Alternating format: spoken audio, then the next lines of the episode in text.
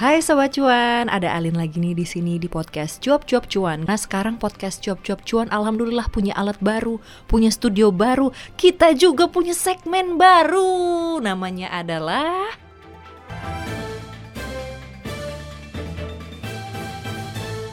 Riskan Rekap informasi sepekan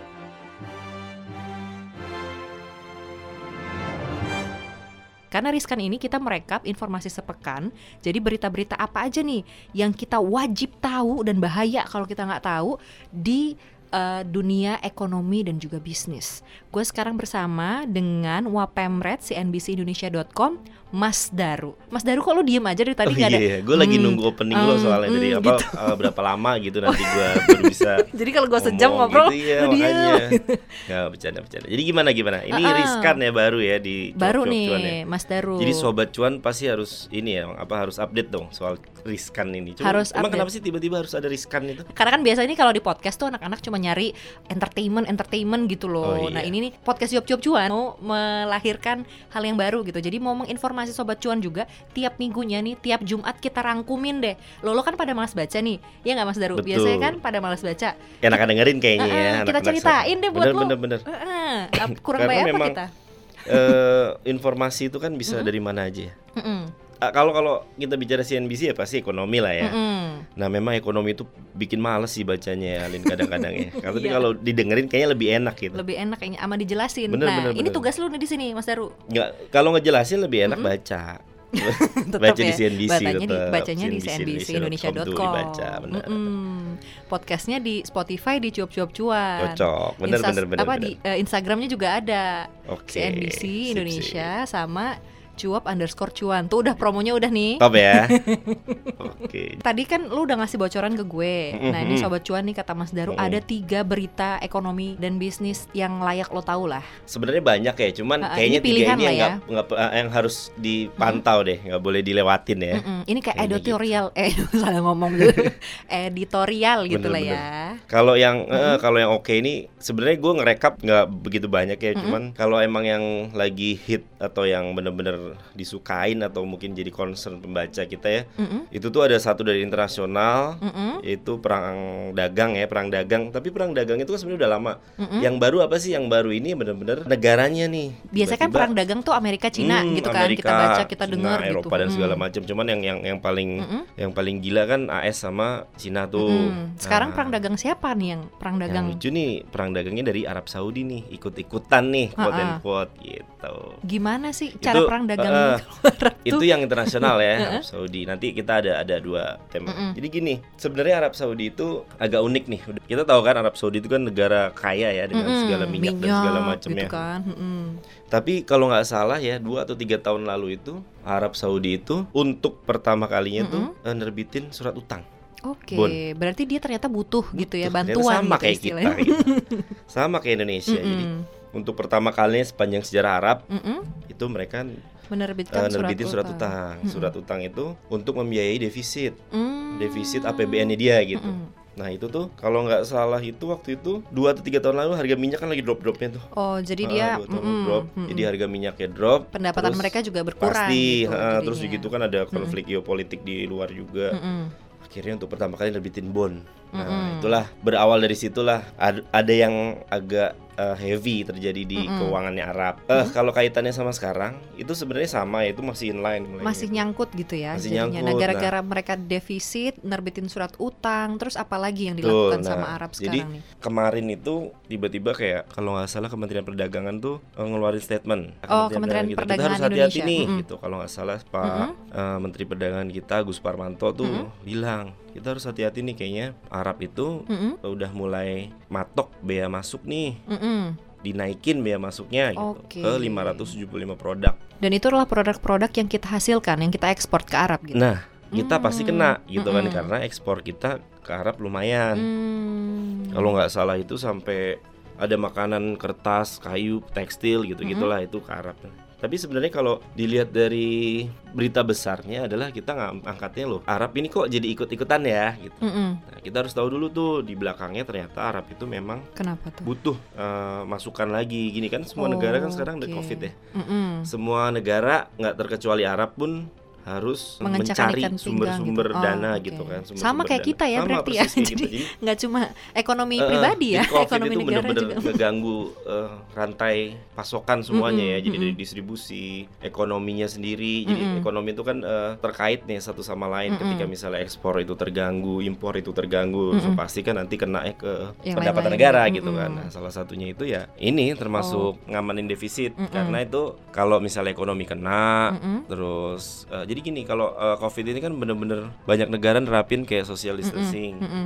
terus ada yang bener-bener lockdown Jadi kegiatannya terhenti Bener. gitu ya, Nah, kegiatan Arab perekonomiannya pun terganggu. juga sempat rame kan Mm-mm. haji ya Ah, ah, oh iya itu stop semua kan dari negara-negara. Jadi sumber Eh, pendapatan dia yang bener cukup besar sumber pendapatan yang tahunnya terbesar gitu ya. kan Arab kan Mm-mm. bener-bener dari haji tuh sama minyak dan segala macam Mm-mm. nah ini termasuk nih akhirnya nih Mm-mm. eh, mereka tuh kayak eh, nerbitin eh, menaikkan ya naikin Bea impor. biaya masuk heeh, Mm-mm. biaya masuk impor jadi kalau kita mau kalau negara lain mau Mm-mm. mengekspor Mm-mm. mau mengekspor barang ke, Ara- Ke Arab, Arab. atau im- jadi itu kan namanya Arab mengimpor ya Mengimpor.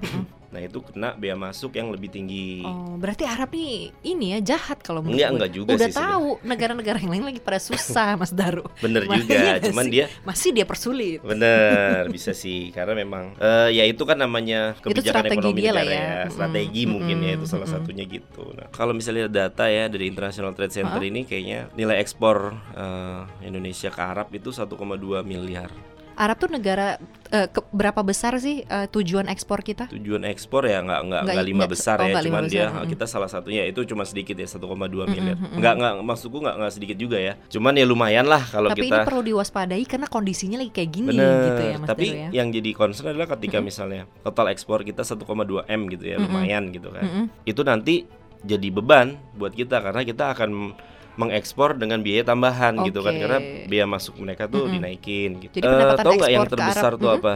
Ya, Apa ekspor kita ke Arab itu Apa ya? nomor satu tuh ternyata kendaraan. Hah, serius Kendaraan loh? bermotor ya ternyata gitu.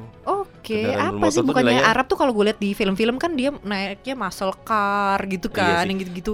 Emang ini sebenarnya kendaraan eh, kendaraan bermotor itu komponennya. Ada ini. Oh, Jadi kayak komponennya. kayak misalnya ada mesin dan segala macam. gitu kita ya. kan eh, Mm-mm. banyak ya, kita kan produksi juga Mm-mm. banyak di sini Mm-mm, kan. Ada- mm-mm. Dapat lisensi Toyota Astra juga produksi kan tuh. Nah, itu Hmm, kita ngirim juga ternyata ke sana Gitu komponennya. ya. Terus yang kedua kertas. Mm-mm, Kertas sama pulp itu kan lumayan ya. Kita kan juga Mm-mm. produksi kertas kita banyak. mm-mm. Sama yang ketiga ya biasa minyak nabati ya CPO dan segala macam itulah. Ya. Tuh sebenarnya kalau Iya, kalau berita besarnya itu itu itu konteksnya sih. Maksudnya berita Mm-mm. besarnya adalah ketika Arab itu menaikkan biaya masuk, berarti Mm-mm. dia ikut dalam circle perang dagang itu. Mm. Cina, AS, ternyata Arab ikut-ikutan nih. Perang dagang tuh berarti termasuk dalam ini nggak sih salah satu pro- eh, upaya untuk proteksi barang-barang Nah. masuk gitu ke negaranya mereka gitu. Bener, awalnya kan dari Hmm, situ kan. AS itu kan awalnya gimana Trump make America's Great, great, again. again. Nah, ah. Salah satunya adalah eh, kenapa sih gua nggak bisa eh, menghasilkan apa-apa sendiri Bener, gitu. gue akan ngangkat uh, produk lokal gue nih Mm-mm. gitu.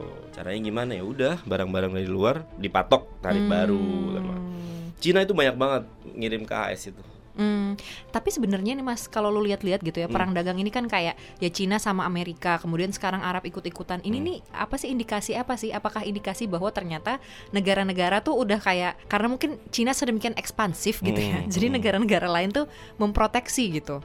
Atau gimana Sebenarnya sih? Gini nih, itu lebih ke kayak era globalisasi sekarang kan Mm-mm. eh, dengan keberadaan seorang Donald Trump ini dia Mm-mm. pengen eh, yang bener-bener ngangkat nasionalismenya dia gitu lewat eh, kebijakan yang membuat eh, Amerika sendiri tuh bisa eksis gitu di dunia Hmm. dia di negara dia sendiri Mm-mm. salah satunya yaitu dia dengan eh, ngurangin pengangguran PHK dan segala macam itu ya dengan menggenjot produk-produknya dia sendiri gitu Jadi padat karya gitu. Hmm, untuk itu Amerika.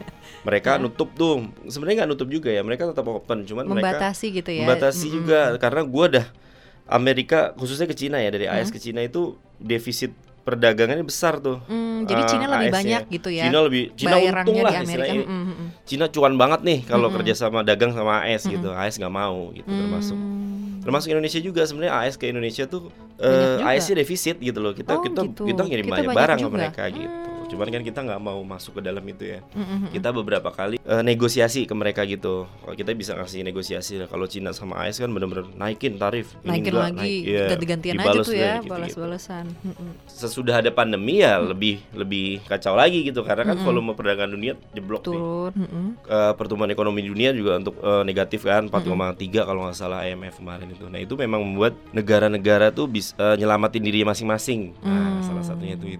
Kita sih belum belum ya. Kita juga nggak ngerti ya. Mungkin ada sih kebijakan kayak Menteri Keuangan Sri Mulyani kan ngasih pajak bea masuk eh, impor yang kayak misalnya handphone, iPhone dan segala macam lebih mahal kan. Gitu. Ya itulah Indonesia juga melakukan itu gitu ya betul. Ah. Sebenarnya Indonesia juga melakukan itu sih. Karena kan memang negara butuh penerimaan juga dari situ kan. Gitu. sekarang tuh kondisi semuanya sulit dan kayaknya negara-negara lagi pada nyari akal gitu kayak mana lagi nih sumber duit yang memungkinkan gitu ya Mas Heru ya Bener. Ini masuk ke, ke topik kita yang kedua nih. Oke. maksudnya. Dari yang tadi kita masih bahas soal eh, makroekonominya. Nah, sekarang kan pandemi memang bikin kita negara-negara Negara tuh terkoreksi, Mm-mm. pertumbuhan ekonominya kontraksi semua. Mm-mm.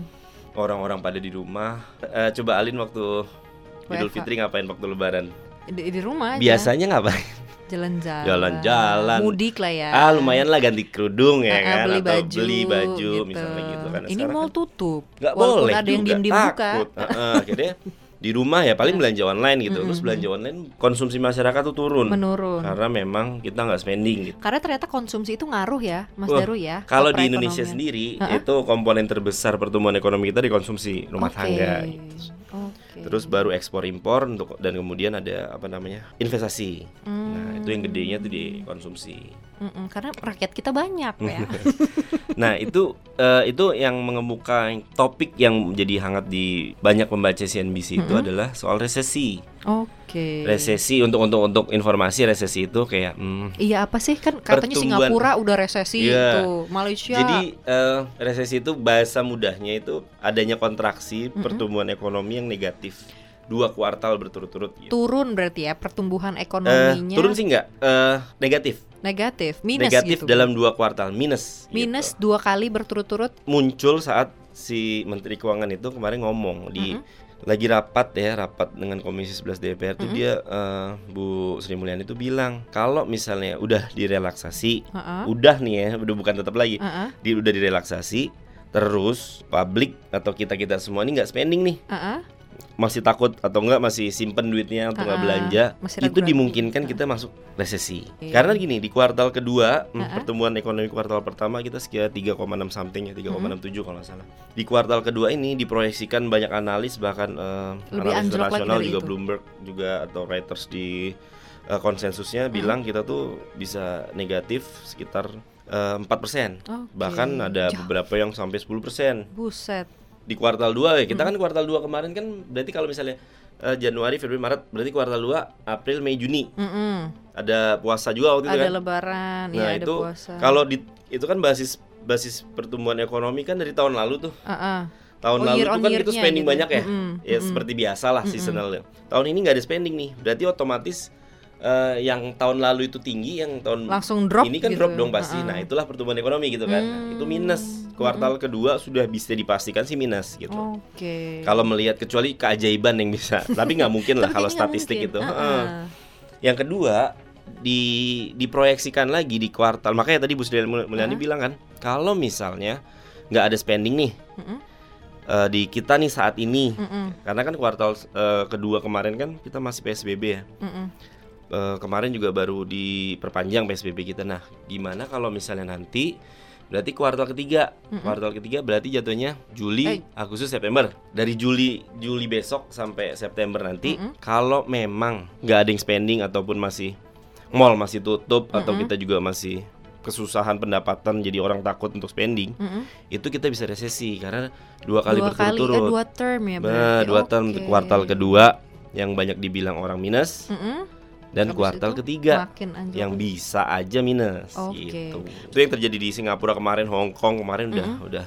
Kalau Singapura kalau nggak salah masih ya? nyaris deh. oh masih nyari Kayaknya dia naik lagi deh. Itu yang kemarin ya. Cuman Ha-ha. kita nggak belum bicara yang ke depan gitu. terus kalau misalnya kita resesi nih mas ya jadi gua harus ngapain ya harus itu kan apa cuman gitu? itu kan cuman angka ya Lin. Maksudnya Ha-ha. orang lihat kan ya udah resesi angka kan. Padahal sebenarnya di dalamnya kan kita tahu kalau misalnya pertumbuhan ekonomi negatif Ha-ha. berarti konsumsi turun. Mm-mm. Kalau kita konsumsi turun, otomatis itu kan rantai ya, rantai ekonomi. ya. Produksinya juga gitu nggak? Betul. Hmm. Jadi kayak misalnya Alin biasa makan Uh-uh. se- di mall sehari lima kali gitu kan Mm-mm. spending. Nah, terus mallnya tutup. Berarti banyak yang PHK juga, eh, banyak yang dirumahin begitu Mm-mm. pegawai ya. Terus itu itu itu itu, itu cuma data yang konsumsi turun atau negatif gitu Mm-mm. atau eh, pertumbuhan ekonomi kuartal 2 negatif. Tapi sebenarnya kalau di kenapa bisa negatifnya itu kan eh, perhitungannya kenapa sih gitu ya? Itulah karena ekonominya nggak jalan Hmm. ekonominya kurang eh, investasi seret Mm-mm. konsumsinya hancur gitulah Mm-mm, orang-orang nggak bisa konsumsi ya otomatis apa yang terjadi ada PHK Mm-mm. ya kita udah denger lah PHK di mana-mana udah pada teriak-teriak orang PHK mm-mm. kan otomatis kalau PHK naik ke pengangguran Penganggurannya meningkat. pengangguran gitu. meningkat Mm-mm. otomatis eh, setelah pengangguran ketika orang nggak dapat kerja eh, orang di PHK Mm-mm. orang nganggur masuk ke kemiskinan Hmm. kemiskinan nambah lagi gitu Mm-mm. kan ya otomatis itu kan kengerian resesi itu itu sebenarnya Jadi semakin banyak PHK, semakin banyak pengangguran, kemiskinan. Sekarang kalau eh, kalau yang di diwaspadai dari eh, diwaspadai dari kemiskinan, pengangguran sama tadi PHK itu kriminalitas. itu, kan- betul, itu yang Hmm. takutkan kan gitu. Mm-mm. Jadi Jadi kayak ini ya, apa bola salju efek gitu eh, eh, ya. orang kan pasti amit-amit gitu terjadi di kita ya. Uh-uh. Makanya pemerintah kan banyak ngasih stimulus segala macam. Mm-mm. Itu menjaga itu sih. Jangan sampai Hmm. nanti eh, ya itu orang teriak gue makan apa nih Mm-mm. Eh, jangan sampai kayak gitu ketika gue Mm-mm. udah nggak makan apa dia pasti melegalkan semua cara dong untuk Iya, bisa makan betul. gitu Jadi itu yang yang perlu diwaspadai ya. Mm. Tapi berarti kalau gitu kalau kontribusi kita nih, Mas Daru, maksudnya ancaman resisi di depan mata Eh. gitu. Berarti kita sebagai Ngaruhnya individu, apa ya gitu, eh, milenial kita harus gitu, berbuat apa selain berdoa? gitu. Eh, eh, selain berdoa ya. sebenarnya gini aja apa deh kayak misalnya aja nih spending buat spending eh, gitu. nggak usah ya kalau Tapi kan nggak wise juga karena katanya ini uncertainty Mm-mm. kan. sebenarnya gini eh, kontribut mereka apa yang bisa dikontribut seorang milenial gitu misalnya Uh-uh. gitu ataupun gini simple aja sih Lin sebenarnya nabung satu Heeh. kenapa nabung nah nabung bisa mengurangi utang negara loh dari mana caranya gitu kan eh simple aja nabung kalian naruh duit uang eh, naruh duit di bank and then bank menyalurkannya kan Oh, fungsi bank adalah mm-mm. intermediasi ya Mm-mm. dana Jadi uang lo masuk tuh dikemanain dulu mereka gitu. menyalurkan Mm-mm. gitu kan menyalurkan nah itulah yang digenjot menyalurkan Hmm. ke perusahaan ke Hmm. orang bangun Mm-mm. rumah KPR gitu kan terus jadi ya itu ya pertama ya nabung gitu ya otomatis nabung nabung karena nabung, Nabung di tapi bank di itu- bank ya, jangan di bawah ini bawah bantal ya? kasur, eh, di bawah bantal. iya itu susah ntar malah hilang Dimakan Jadi, rayap nanti. heeh. nabung ya otomatis habis nabung itu eh, ada nih namanya kayak misalnya gua gua eh, gua bukan promo ya cuman kayak eh, pemerintah kan nerbitin Instrumen investasi Ah, gitu ya. pemerintah kan nerbitin Mm-mm. SBN surat berharga Mm-mm. negara. Nah, surat berharga negara itu ada yang jenisnya ori atau Mm-mm, obligasi obligasi. retail Indonesia. Obligasi retail itu bisa dibeli sama semua orang gitu Mm-mm. lewat agen-agen bahkan lewat fintech udah ada gitu. Mm-mm. Jadi kayak misalnya lo nanti bisa beli eh, emang kontribut apa dengan itu ya? Mm-mm. Gini, pemerintah kan tadi gue bilang kayak Arab juga defisit tuh. lagi butuh duit Pemerintah gitu defisit kan. nih, bahkan pembiayaan yang dibutuhkan selama masa pandemi sampai 2020 Mm-mm. akhir itu 1000 triliun lebih. Hmm. Nah itu dari mana pembiayaannya? Otomatis dari, Dari, utang. uh, uh, pemerintah masih emang gitu. masih kita nggak bisa hidup lah saat ini untuk dari utang gitu nggak bisa hidup tanpa hutang gitu. Mm-mm. Ya itulah biar bisa masuk ya itu lewat eh, penerbitan obligasi dan lo bisa ngambil gitu obligasi itu. Nah itu itu ya otomatis bisa na- bisa ngebantu lah gitu. Mm. Tapi yang jelas eh, kalau orang-orang yang nggak kena ya nggak kena efek pandemi gitu ya Mm-mm. maksudnya masih ada kan beberapa sektor kayak misalnya apa ya kebanyakan sektor yang nggak kena pandemi ya juga- Sektor kesehatan sama telekomunikasi. Ya, Tapi kesehatan, telekomunikasi juga ada yang telekomunikasi. dipecat-pecatin ya. Jadi kayak Jadi pengusaha-pengusaha ini iya, jadi sekarang sih? pengusaha tuh banyak yang jadi banyak yang melakukan efisiensi. Kalau kata Bu Sri Mulyani itu Mm-mm. efisiensi radikal. Itu karena apa sih? Karena memang sebenarnya mereka eh, minus kemarin atau sebenarnya mereka takut? Nggak. Karena jangan-jangan gini-gini. Kayak sisa duitnya nggak banyak gitu. Eh, emang sebenarnya ada ada itu dua dua dua dua mata pisau sih. Yang pertama Mm-mm. gini sih kalau gua ngelihatnya. Selama ini kan eh, perusahaan ekspansif ya. Istilah minimal pendapatan itu bisa dikonversikan menjadi laba gitu Mm-mm. un- dengan mengurangi eh, beban operasional gitu. Mm-mm. Itu standarnya gitu ya. Mm-mm. Tapi memang kadang perusahaan yang kurang eh, bicara perusahaan atau usaha yang tidak mm, memperhitungkan krisis Oh. itu pasti nggak Oh. punya pikiran untuk eh, menjaga gitu, Oke. menjaga cash flow misalnya gitu. Eh, perusahaan yang agak gue bilang agak bagus adalah perusahaan yang bisa eh, jalan ketika gitu ya. eh, ketika krisis selama enam bulan. Hmm. Jadi eh, tiba-tiba kita kena krisis nih. Katakanlah eh, kita nyebut krisis karena krisis ini kan krisis kesehatan ya, maksudnya dari kesehatan bisa menjalar ke ekonomi gitu kan. Mm-mm. Ketika perusahaan yang sehat adalah perusahaan yang punya cash flow walaupun eh, ini sebenarnya berlaku ke kita juga ya. Kayak dana darurat ya kalau dan di- perusahaan yang punya dana darurat untuk menjaga selama enam bulan itu itu Tetap perusahaan yang agak baik lah gitu. Jadi eh, balik lagi ke yang tadi dengan enam bulan tadi tuh eh, perusahaan yang agak bagus gitulah. Hmm. Itu sebenarnya berlaku ke kita sendiri gitu. Kalau kita punya dana darurat selama enam bulan ya itu aman eh, kuat kuat aman lah. Enam bulan itu waktu yang cukup untuk kita mencoba hal yang lain gitu ya. Kalau Lain, misalnya baru dipecat misalnya. lo bisa buka bisnis mungkin. Bener dengan dana darurat tadi kita lain. misalnya oke Mm-mm. kita kita kita kita kita stop dulu nih pengeluaran yang nggak penting Mm-mm. Kita coba eh, hidup eh, untuk untuk nyukupin makan doang keluarga misalnya Mm-mm. ataupun sendiri Mm-mm. atau dan nanti sisanya itu kita bisa buat muterin uangnya dengan usaha gitu Mm-mm. nah itulah itu mungkin perusahaan yang bagus tuh kayak gitu Oh. perusahaan yang bisa eh, tiba-tiba switch eh, Mm-mm. eh, switch perusahaan itu switch untuk eh, Bisnisnya apa? bisnisnya gitu. di stop dulu eh, yang efisiensi gitu kan maksudnya terus gue masih punya dana darurat nah tapi kan itu kan cuma enam bulan gitu kan Mm-mm.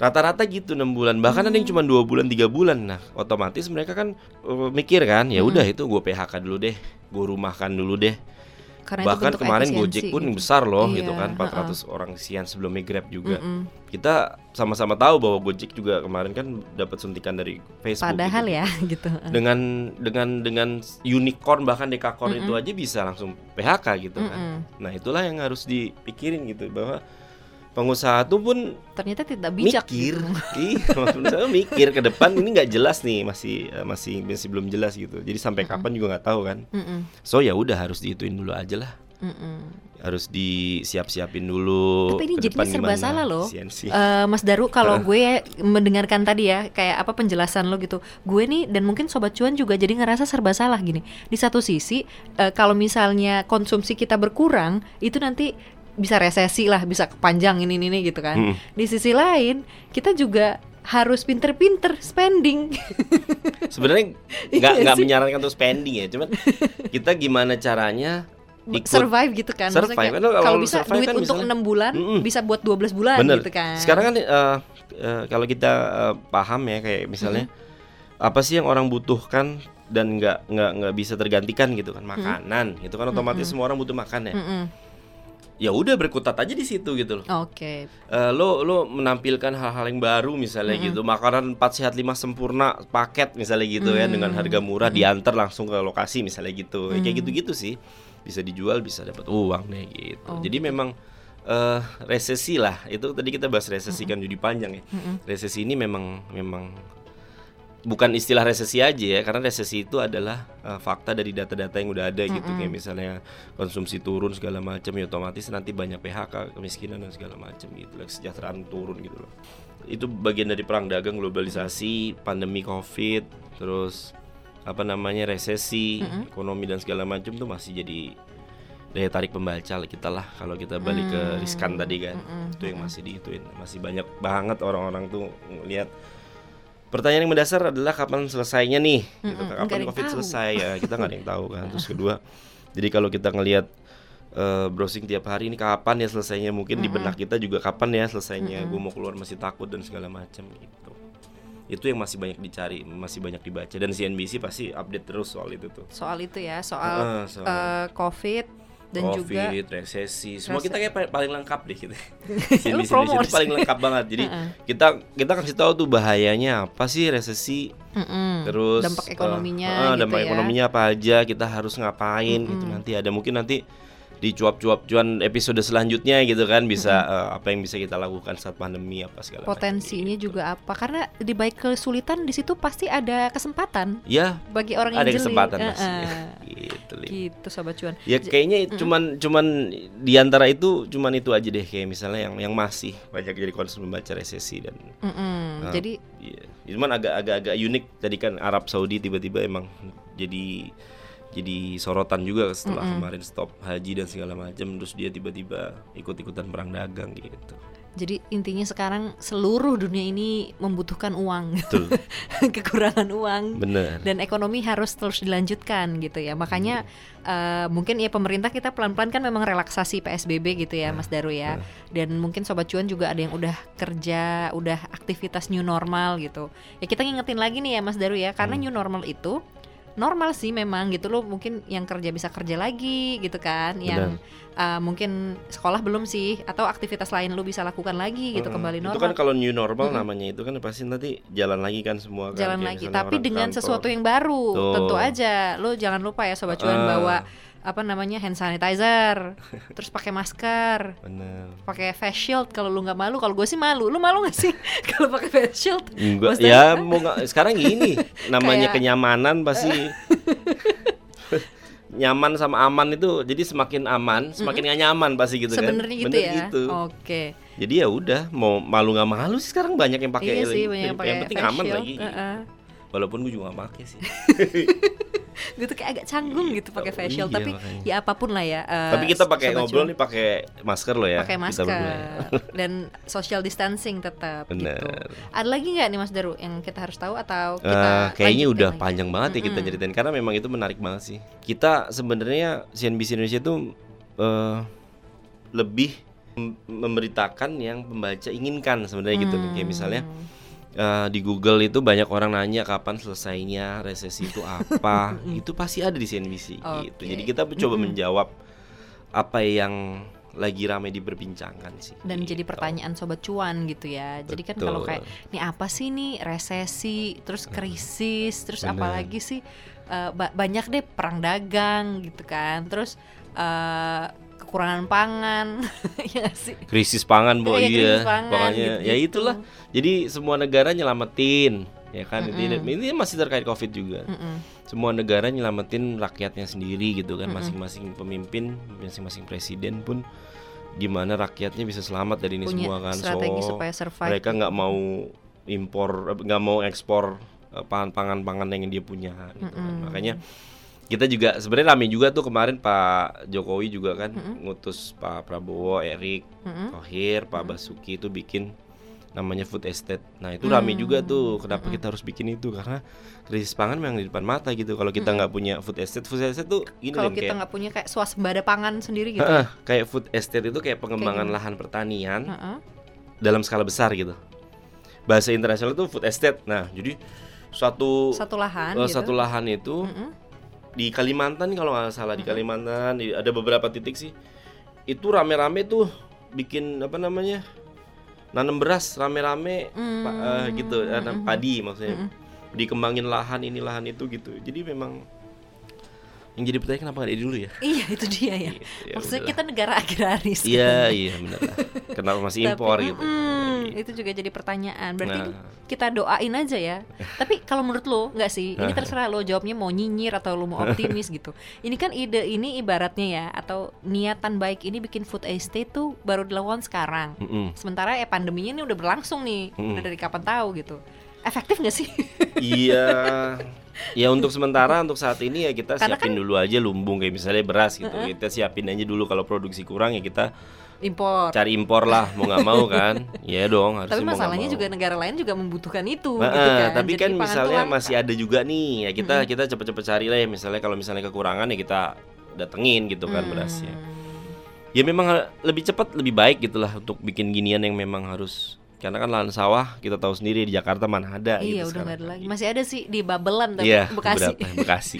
Jakarta coret. Iya gitu. Jadi kayak itu mau dikembangin tuh kalau nggak salah di Barito tuh Hmm, di pinggiran di Sungai Barito itu kan tadi bikin banyak eh, sawah dan segala macam gitu-gitu Lin. Itu juga menarik tuh karena Prabowo lang eh sorry, karena Pak Jokowi langsung ngutus Pak Prabowo, Pak Erick Thohir, Pak Basuki ya Menteri eh, Pertahanan, Menteri BUMN, Menteri PUPR langsung keroyokan tuh bikin Untuk merealisasikan Ah, proyek gitu. ini gitu Karena ya. memang eh, alternatifnya kan eh, wajib nih kita di depan Pak Jokowi itu bilang depan ada krisis pangan ya kita siap-siap aja gitu. Hmm, Itu itulah makanya Karena ditugasin. kesehatan, kemudian resesi, ngeri ya kemudian krisis sebenarnya ini ngeri loh Emang banyak, makanya tadi juga pembaca banyak yang ngomong, aduh beritanya serem-serem banget. Iya, Tapi sebenarnya kita nggak nakutin ya, Lin. Kita, Kita lebih membuka ke mata gitu ya. ngasih kayak antisipasi gitu loh, Ha-ha. bahwa kita juga ada kok artikel-artikel yang benar-benar Yang ini loh peluang gitu. bisnis kala Mm-mm, pandemi.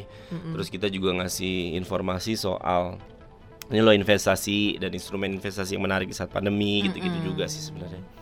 Jadi tergantung lu aja sih sobat cuan sebenarnya. Bener gitu. bener bener. Tapi memang kondisinya memang agak sedikit menakutkan, tapi bukan berarti lo harus ketakutan Iya, gitu ya sobat bener. cuan ya. Apa yang bisa kita perbuat kita perbuat aja sih. Mm-mm, betul. Mungkin salah satunya adalah dengan uh, mendengarkan podcast Cuap Cuap Cuan Sambil membaca CNBC Indonesia. sambil membaca CNBC Indonesia sambil lu kasih tahu teman-teman lo sobat Jadi cuan. ini ini tuh Mm-mm. setiap hari apa nanti Lin? ini setiap hari Jumat. Oke. Jadi setiap hari Jumat kita pilihin nih buat sobat cuan Mm-mm. berita-berita yang jadi sorotan di Hmm. minggu ini gitu. Jadi nanti sobat cuan bisa melalui akhir pekannya sambil dengerin podcast Nah. gitu, sambil uh, well informed. Jadi lu semingguan nggak apa-apa deh nggak baca berita. dengerin aja nih Heeh. apa namanya riskan di cuap-cuap cuan tapi sambil boleh lah ya buka-buka cnbcindonesia.com tuh gue promoin lagi tuh Mas Daru Oh harus dong, kita kan sinergi. Ya udah gitu aja nih Mas Daru ya. Kita Oke. ketemu lagi nanti di episode riskan lainnya. Ya. Makasih nih Mas Daru Hmm. udah bersama dengan narasumber lainnya ya pastinya Lin ya. lu kayaknya udah antisipasi nih enggak, dari enggak, awal. enggak, enggak. apa-apa welcome kita. gitu ya Sobat Cuan ya. Jadi terima kasih nih Sobat Cuan sudah mendengarkan kita dan semoga aja tadi informasi yang dikasih Mas Daru ini membuka eh, cakrawala pengetahuannya Sobat Cuan. Sedikit membuka cakrawala gitu. Jangan banyak. Banyak lah ya banyak kayak tahu sedikit itu eh, takarannya tergantung masing-masing Iya. dan sobat cuan tuh jadi tahu gitu apa yang harus dilakukan eh, untuk menghadapi kehidupan selanjutnya di Betul. kondisi yang seperti ini. Terima kasih sobat cuan sudah mendengarkan. Terima kasih Mas Daru. Terima kasih semuanya. Dah. Semuanya.